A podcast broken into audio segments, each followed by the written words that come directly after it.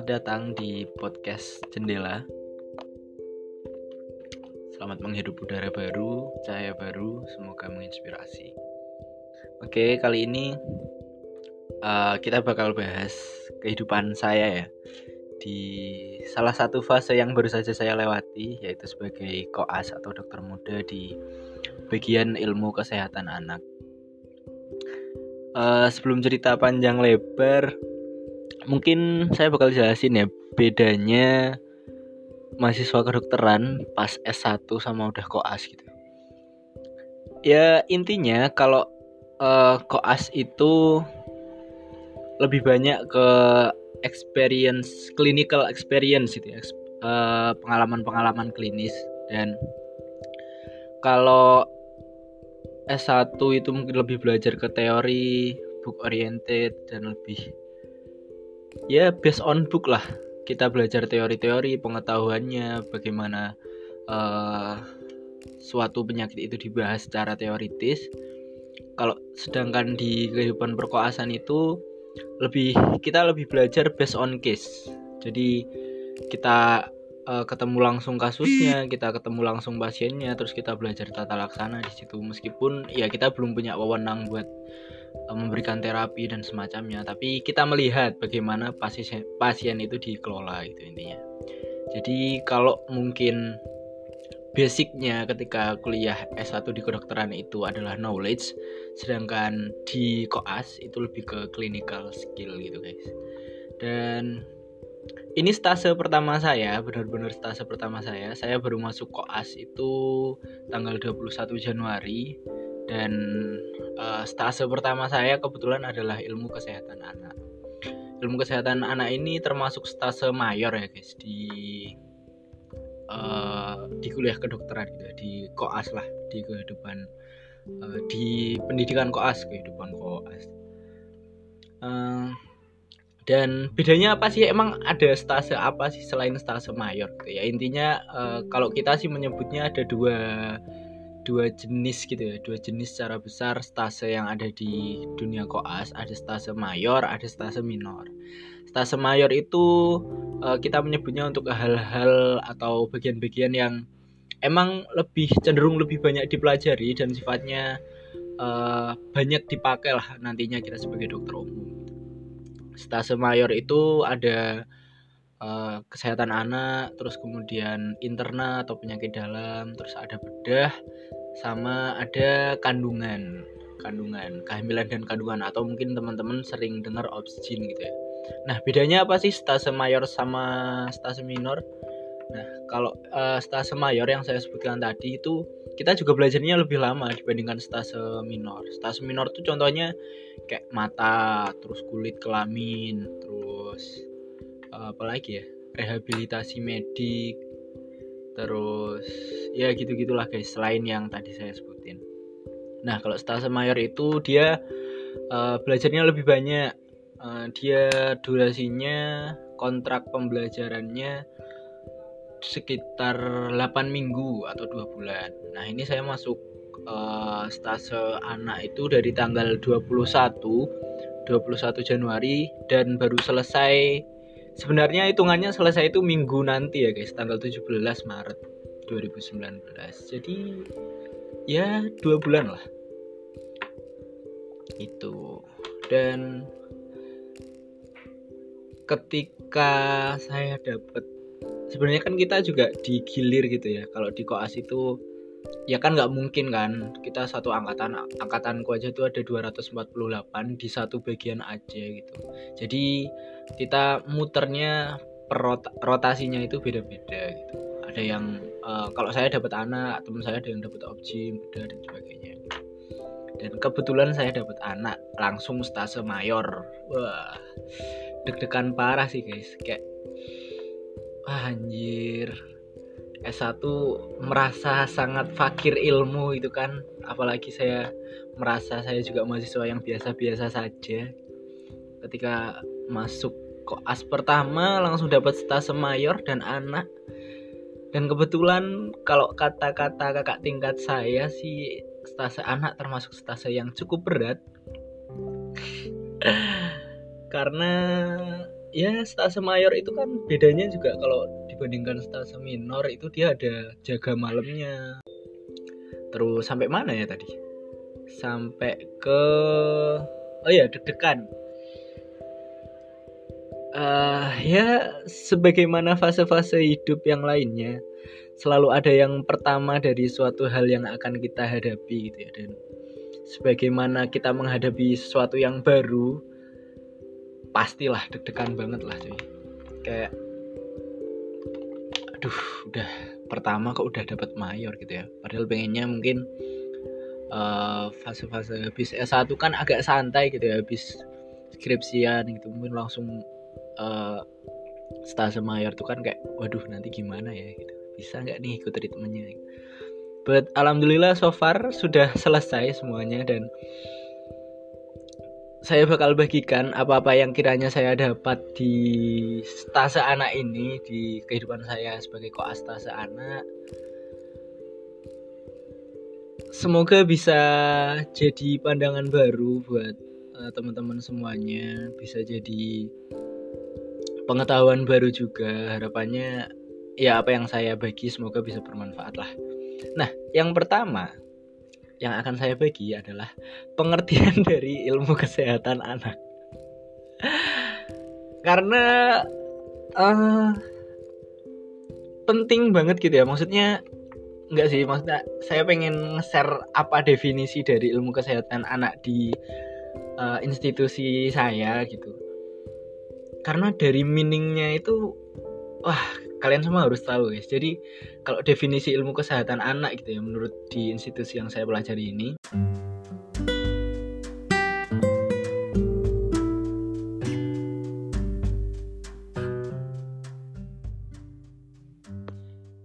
Jadi ilmu kesehatan anak itu adalah ilmu yang mempelajari tentang proses tumbuh dan kembang anak baik dalam kondisi sehat maupun sakit secara fisik, mental dan sosial mulai dari konsepsi atau dalam kandungan ibu ya sampai dengan usia 18 tahun untuk dikelola secara komprehensif dan holistik guna mencapai potensi genetik yang optimal. Nah, dari pengertiannya itu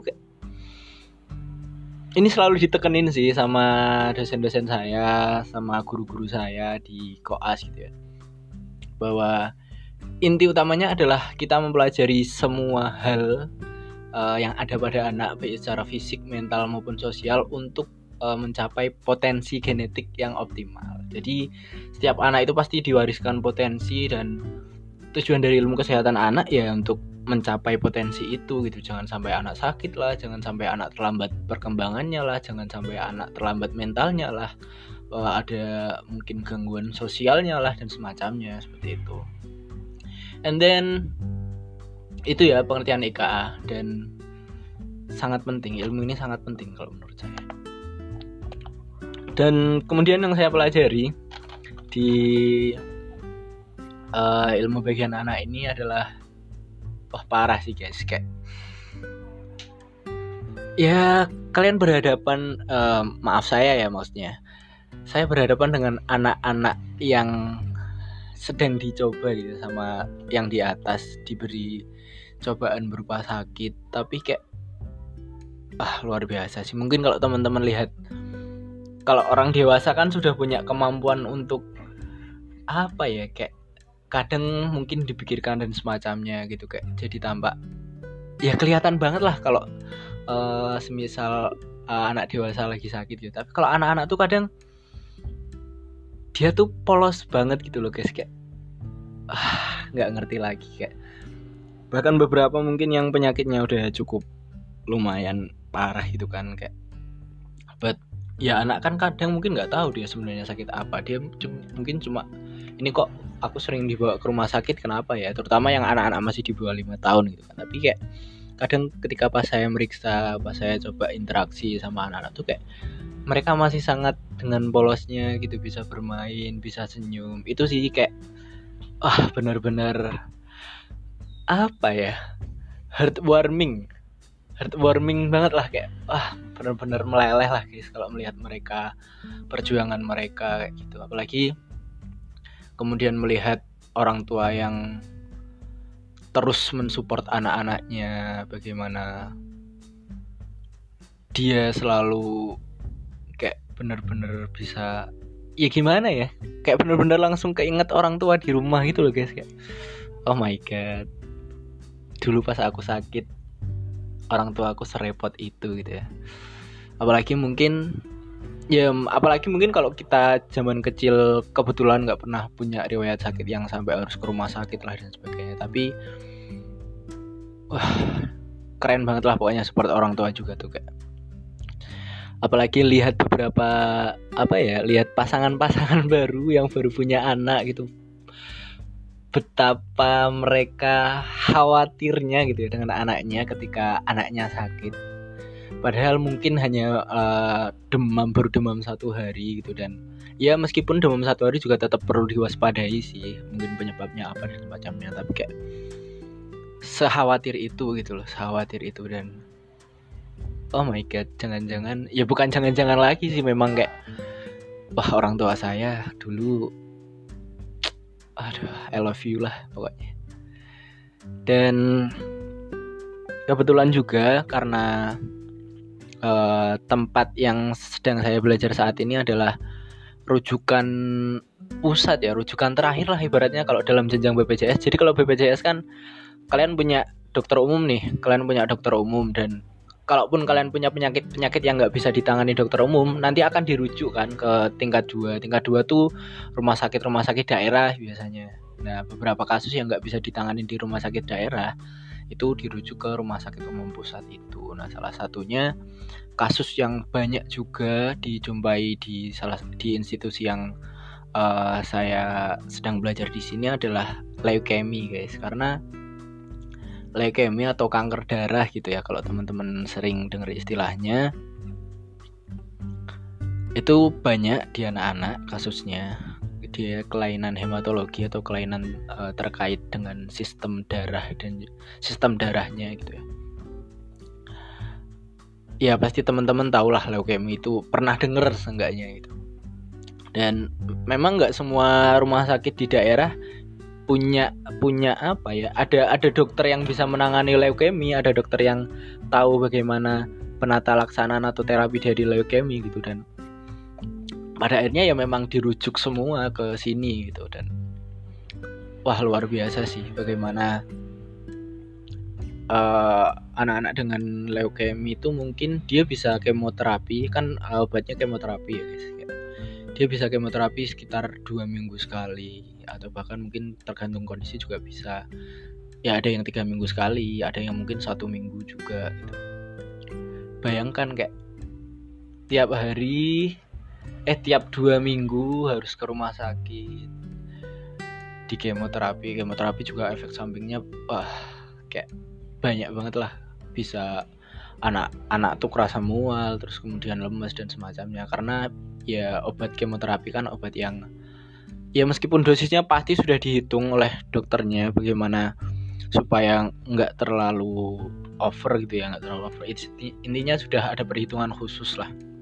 Tapi pasti punya efek samping. Salah satunya mungkin ya kalau teman-teman dia kan sebenarnya kemoterapi itu fungsinya adalah menyerang sel-sel ganasnya gitu. tapi dia punya efek samping juga ke sel-sel yang masih sehat gitu. dan luar biasa gitu ibaratnya kalau mungkin hidup itu adalah suatu proses uh, perlombaan lari gitu ya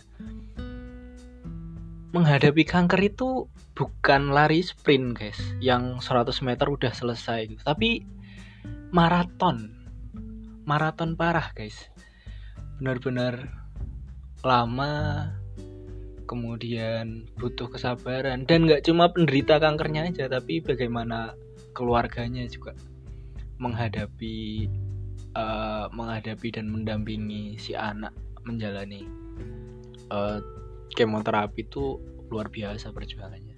Kalau teman-teman mungkin sering lihat gitu share-sharean tentang anak-anak yang mungkin sedang menderita kanker dan semacamnya, itu luar biasa sih. Dan ya kebetulan saya juga pernah uh, berada di posisi itu gitu ya. Bukan sebagai penderita kankernya dan semoga tidak amin. Uh, tapi ibu saya pernah menderita kanker dan saya sempat mendampingi sekitar hampir dua tahun gitu bagaimana untuk proses proses dari uh, penanganannya. Itu that's take so so much time energi emosi luar biasa pokoknya. Dan ya uh, ya sampai nggak bisa berkata-kata lagi guys. Ya intinya luar biasa lah orang-orang yang uh, berjuang melawan kanker itu. Semoga uh, saya berdoa semoga para uh, penderita kanker selalu diberi ketabahan selalu diberi kekuatan. Kalian benar-benar orang yang kuat kalian benar-benar luar biasa. Saya harusnya malu sih sebagai orang yang mungkin masih dianugerahi kesempatan dan kesehatan. Kadang saya malu gitu loh kalau melihat semangat kalian gitu. Ya semoga diberi ketabahan semoga segera diberi kesembuhan. gitu. Semoga kalian bisa menang melawan kanker gitu. Amin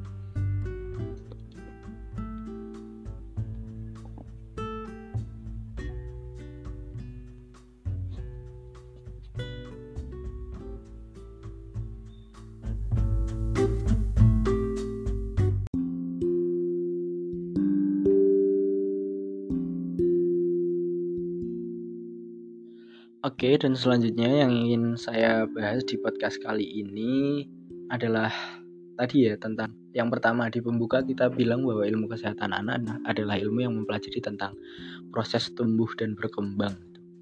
Dan salah satu masalah terkait tumbuh kembang yang masih jadi fokus utama di Indonesia atau isu yang mas isu tentang uh, tumbuh kembang ini di Indonesia yang masih masih booming atau masih tinggi dan masih jadi fokus dari pemerintah itu adalah itu adalah tentang stunting gitu. Kalau mungkin teman-teman sering dengar gitu ya, stunting atau perawakan pendek uh, bagaimana eh, anak-anak uh, di Indonesia itu masih cenderung pendek atau semacamnya. Kalau teman-teman pernah baca tentang infografis atau informasi tentang stunting gitu ya.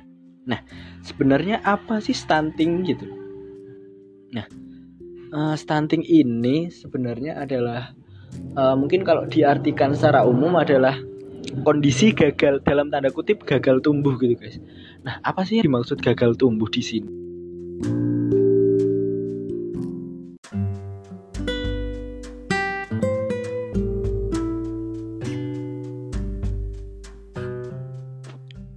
Nah, jadi stunting ini uh, atau kenapa tadi saya sebutkan sebagai gagal tumbuh adalah karena definisinya adalah pada usia 2 tahun, patokannya 2 tahun, anak itu mengalami gagal pertumbuhan sehingga dia tidak bisa mencapai uh, standar pertumbuhan dengan yang sama dengan anak-anak di seusianya gitu. Dan angka stunting ini di Indonesia masih sangat tinggi gitu ya guys. Uh, kalau nggak salah saya terakhir itu kan uh, data stunting itu diperbarui tahun 2018. Memang kalau dibandingkan data yang sebelumnya uh, data Riskesdas namanya riset kesehatan dasar itu dari 2013 sebesar 37,2 nah di 2018 ini angka stunting turun di angka 30,8 nah tapi nih guys meskipun turun ini masih di bawah standar yang direkomendasikan oleh WHO yaitu kurang dari 20% dari populasi anak uh, di negara gitu yang ditargetkan ke pemerintahnya.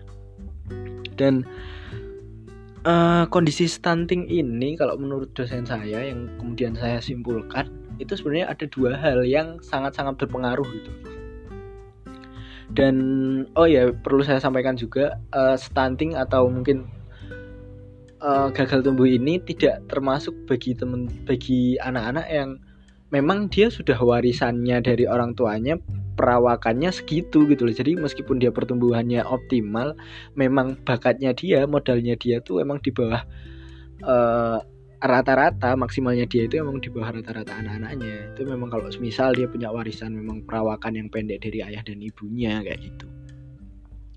Nah uh, yang mempengaruhi stunting ini adalah ada dua faktor. Yang pertama adalah nutrisi, kemudian adalah uh, yang kedua adalah infeksi. Nah, kenapa hal dua ini? Bahkan kalau menurut saya dua hal ini uh, menurut dosen saya maksud saya yang kemudian ingin saya sampaikan ke teman-teman ini adalah dua faktor ini sering jadi lingkaran setan gitu loh guys. Kenapa sebuah lingkaran setan? Karena jadi gini anak untuk mencapai proses tumbuh kembang yang optimal itu kan butuh nutrisi ya dan uh, dalam prosesnya ini uh, proses perkembangan dan pertumbuhan ini adalah termasuk bagaimana kekebalan atau respon imunitas anak terhadap pajanan penyakit. Jadi anak itu memang uh, kekebalannya belum terbentuk secara sempurna jadi memang lebih rentan sakit jika dibandingkan dengan orang-orang uh, dewasa seperti itu Nah, ketika si anak terpajan sakit, terpajan infeksi, kemudian dia sakit, kemudian uh, seringnya kan kalau anak sakit itu mengalami penurunan nafsu makan ya, dia jadi malas makan dan semacamnya. Nah, uh, uh, sayangnya ini juga mungkin karena karena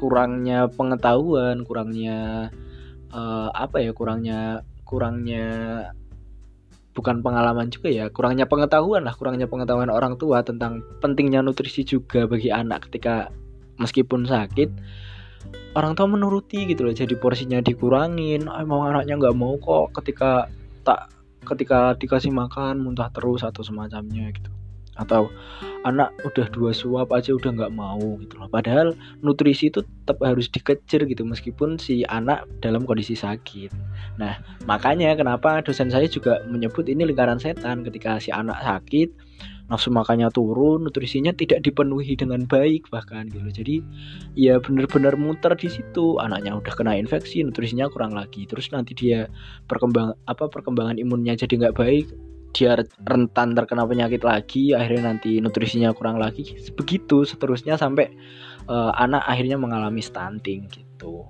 Makanya penting ya untuk memperhatikan dua hal tadi. Kalau misalnya anak sakit ya benar-benar uh, benar-benar di benar-benar di ya harus segera diobati. Kemudian juga nutrisinya tetap harus dipenuhi gitu ya itu guys terkait dengan stunting. Semoga bisa jadi informasi baru buat teman-teman semuanya.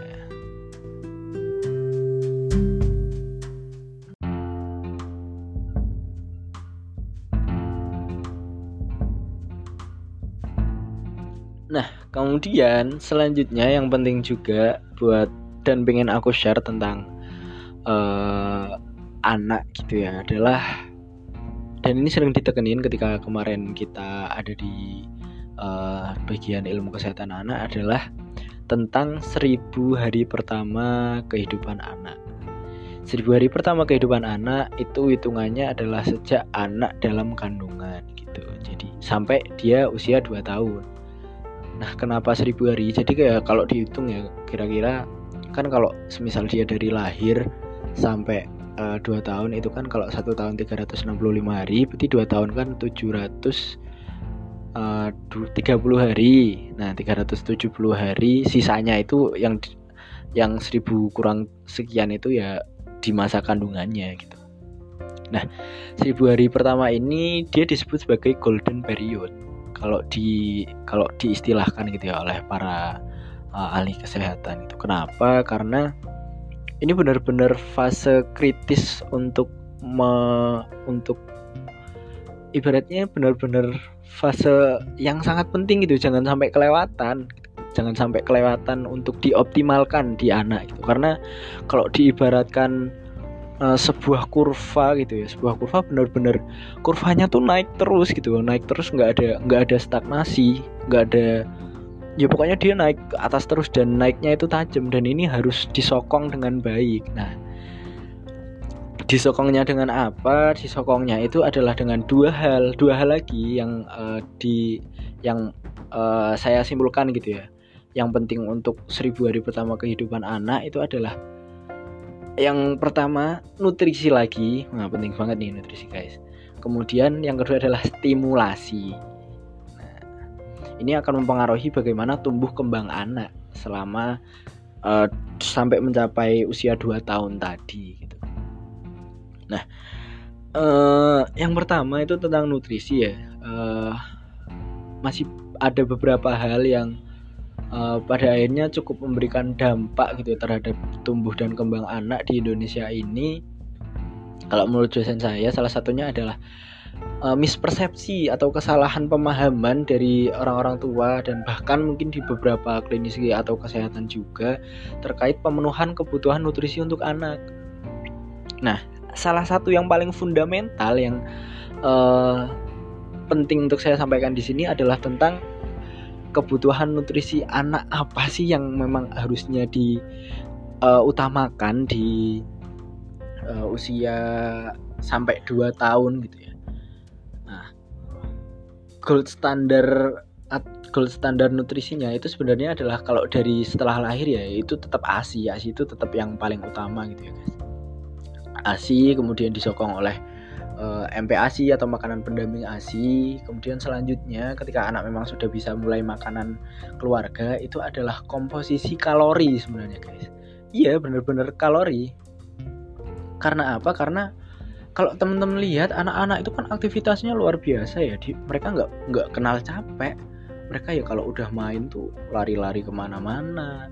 Terus kemudian uh, ya nggak ada berhentinya lah nggak ada berhentinya gitu bener-bener terus aktivitas gitu kan nah mereka tuh dengan aktivitas yang seperti itu itu butuh kalori yang lebih gitu loh sayangnya eh, anak-anak itu kan lambungnya juga masih kecil ya. Kalau dibandingkan dengan anak dewasa ya kalau secara ukuran nih teman-teman lihat secara kasat mata aja dibandingin itu kan juga sangat beda gitu makanya dengan kapasitas lambung atau pencernaan yang lebih sedikit daripada orang dewasa perlu tingkat kalori yang lebih tinggi pada anak-anak gitu dan seringnya malah yang dikampanyekan adalah anak harus makan sayur anak harus makan buah dan semacamnya itu memang penting tapi kalau secara kebutuhan itu nomor sekian gitu loh guys. Yang penting pertama adalah kalorinya. Kalau dipenuhi sama sayuran kemudian buah-buahan kandungannya yang lebih banyak ada beberapa buah mungkin malah lebih banyak kandungan airnya doang. Gitu daripada kalorinya. Jadi bahkan mungkin yang disarankan uh, sebenarnya adalah bagaimana komposisi minyak komposisi minyak yang kemudian nantinya bakal bakal dibakar jadi kalori selain karbohidrat makanan keluarga itu tambahkan sekitar 30 sampai 45% minyak gitu loh di uh, dibandingkan dengan uh, orang dewasa gitu ya. Jadi di setiap porsi anak itu seharusnya ada tambahan minyaknya gitu untuk mencapai uh, kebutuhan kalorinya gitu. Nah, minyak apa? Minyak minyaknya bukan minyak yang uh, bukan minyak yang kayak gorengan-gorengan apa ya yang minyaknya udah dipakai berkali-kali usahakan minyaknya ya memang minyak minyak yang baru pertama kali dipakai kemudian atau margarin atau mungkin bahkan kalau uh, dosen saya me dan dosen, dosen saya menyampaikan itu bener-bener kayak kita makan nasi padang itu loh guys yang kuahnya itu bener-bener minyak banget nah itu yang diberikan ke anak itu harusnya yang seperti itu gitu loh bukan sayur bening yang banyak airnya karena justru itu akan mengurangi uh, densitas kalori atau kandungan kalori yang ada di situ. Padahal untuk aktivitas anak itu butuh kalori yang banyak. Gitu. Itu secara garis uh, besarnya. Gitu. Nah, buat kalian yang pengen bahas lebih itu bisa banget buat uh, uh, kita mungkin ngobrol secara personal gitu ya tentang itu. Itu yang pertama tentang nutrisi, tentang mispersepsi yang masih banyak cukup banyak salah gitu ya di uh, masyarakat Indonesia tentang yang penting buat anak itu sebenarnya kandungan apa gitu ya meskipun uh, buah dan sayur itu juga penting tapi kalau untuk usia 2 tahun justru malah sedikit gitu. Kebutuhannya dikit. Mungkin satu jenis buah atau satu jenis sayur dalam setiap porsi makannya itu udah cukup guys gitu. Nah kemudian selanjutnya adalah stimulasi. Nah ini penting banget ya guys. Kebetulan juga beberapa kali kita ketika di koas itu menjumpai ada anak yang terlambat berkembang. Karena apa? Karena kurangnya stimulasi. Fenomenanya zaman sekarang adalah tentang bagaimana mendampingi anak untuk mencapai kemampuannya gitu apalagi sampai di usia 2 tahun gitu ya karena banyak studi menyampaikan bahwa sampai usia 2 tahun perkembangan anak, perkembangan otak anak itu sedang pesat-pesatnya gitu. Sel-sel sarafnya itu sedang cepat-cepatnya bertambah gitu dan uh, jadi kan otak itu terdiri atas sel-sel saraf yang terkoneksi gitu ya. Nah, sambungan-sambungannya itu juga sedang banyak-banyaknya ketika usia itu gitu. Makanya butuh stimulasi, butuh butuh pencetus butuh apa ya butuh rangsangan buat anak bisa mencapai uh, pertumbuhan sel-sel saraf yang banyak dan koneksinya yang uh, makin banyak gitu juga untuk apa untuk menunjang kemampuan anak gitu. nah sayangnya makin ke sini di era yang modern seperti ini uh, dengan ya banyak ya banyak banyak faktor juga tentang terkait bagaimana kebutuhan ekonomi dan semacamnya, tentang karir, uh, seringnya orang tua itu jadi kurang gitu memberikan stimulasi pada anak. Padahal sebisa mungkin anak itu mendapat stimulasi minimal banget itu ya guys. Minimal itu adalah 5 jam setiap harinya. Stimulasi dalam hal apa? ya dalam hal mengajarkan dia bagaimana untuk mencapai misalnya ya mencapai dia bisa bicara gitu benar-benar diajak dicoba ajak ngobrol terus diajari berjalan semuanya stimulasi-stimulasi tentang fungsi tubuh anak itu sangat-sangat penting itu di dua tahun pertama itu nah beberapa kasus yang sering sering di sering di apa ya sering dijumpai dan dikeluhkan adalah bagaimana seringnya kondisi karena karir tadi orang tua jadi kurang memberikan stimulasi pada anak atau mungkin uh, anak diserahkan pada pengasuh gitu ya pengasuh. Dan sayangnya ya pengasuh bagaimanapun nggak kayak orang tua gitu kan. Ini kan anak orang gitu. Dan ya mungkin ya mungkin mungkin nggak semua pengasuh seperti itu tapi ya kalaupun dia suruh ngasuh anak kecil yang penting anaknya nggak rewel. Padahal rewel itu juga salah satu bentuk apa ya bentuk ya anak butuh distimulasi gitu.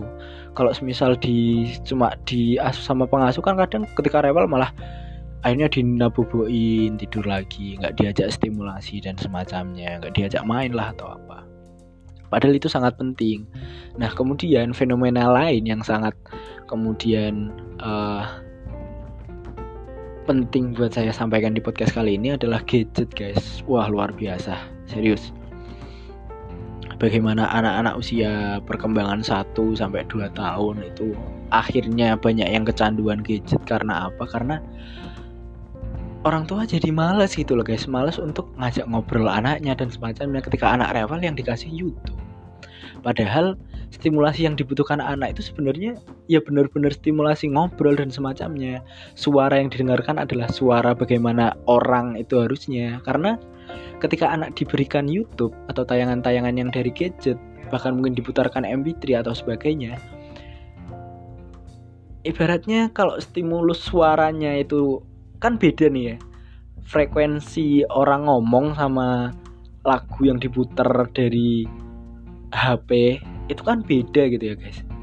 Nah anak akan cenderung tertarik pada stimulasi yang lebih tinggi gitu loh. Jadi kayak wajar banget ketika anak kok rewel dikasih YouTube yang gambarnya jelas lebih cerah daripada uh, daripada gambar-gambar yang real gitu ya daripada pemandangan-pemandangan yang real gitu. Kemudian suaranya juga lebih tinggi daripada uh, ketika uh, obrolan-obrolan atau suara-suara manusia yang real gitu Nah, anak akan lebih fokus ke sana dan ketika anak sudah masuk ke dunia itu, anak jadi susah gitu loh. Nah, ini dia akan mempengaruhi interaksi dia secara personal gitu, interaksi dia secara personal, perkembangan personal sosialnya dia.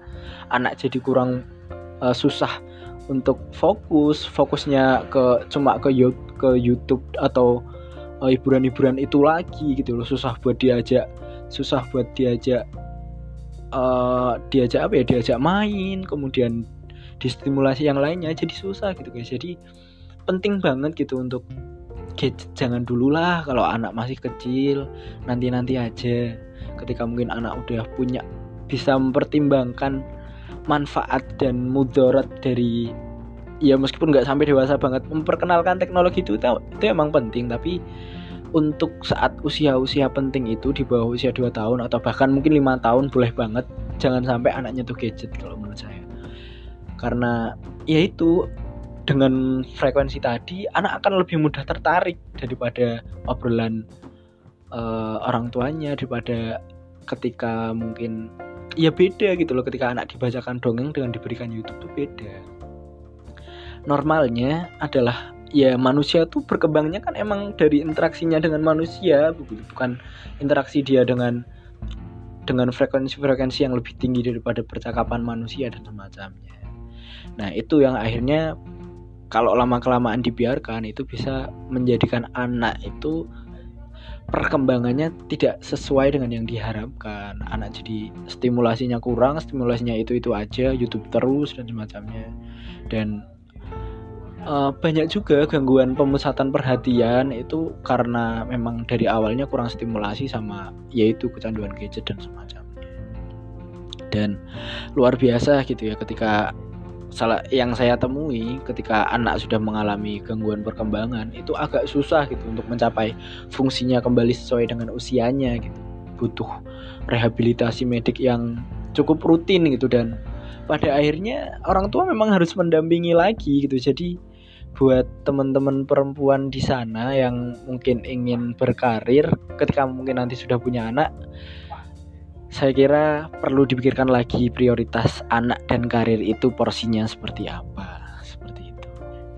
Jadi itu intinya yang ingin saya sampaikan tentang seribu tahun atau seribu tahun salah tuh kan? Seribu hari pertama kehidupan anak gitu ya penting banget itu untuk dikawal karena itu adalah platinum period bagi si anak gitu guys. Jadi itu uh, yang uh, bisa saya bagikan yang saya dapat yang paling penting saya rasa untuk saya bagikan di podcast saya kali ini. Kemudian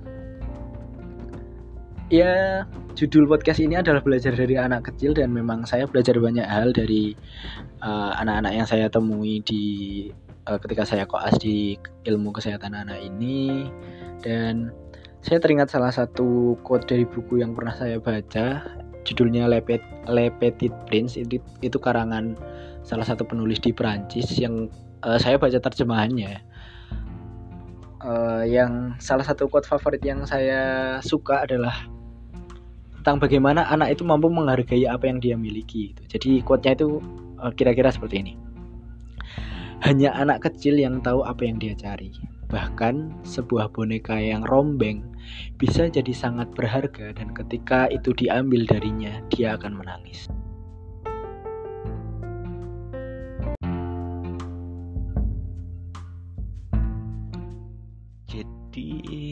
Kita mungkin uh, semakin dewasa ini kita makin apa ya makin kita makin berpikir ke arah-arah yang materialis gitu ya materialis. Memang kita berpikir tentang materi tentang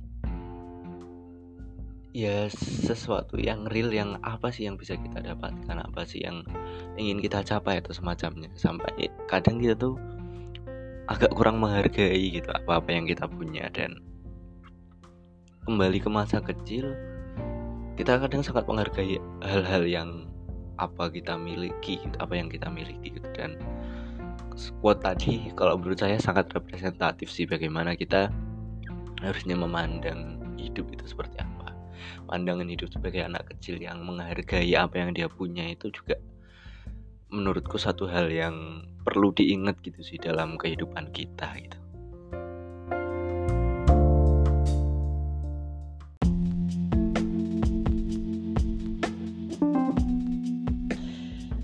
Oke, okay, that's all guys buat episode kali ini. Udah banyak bicara ngalor ngidul. Maaf kalau mungkin masih kurang runtut ya.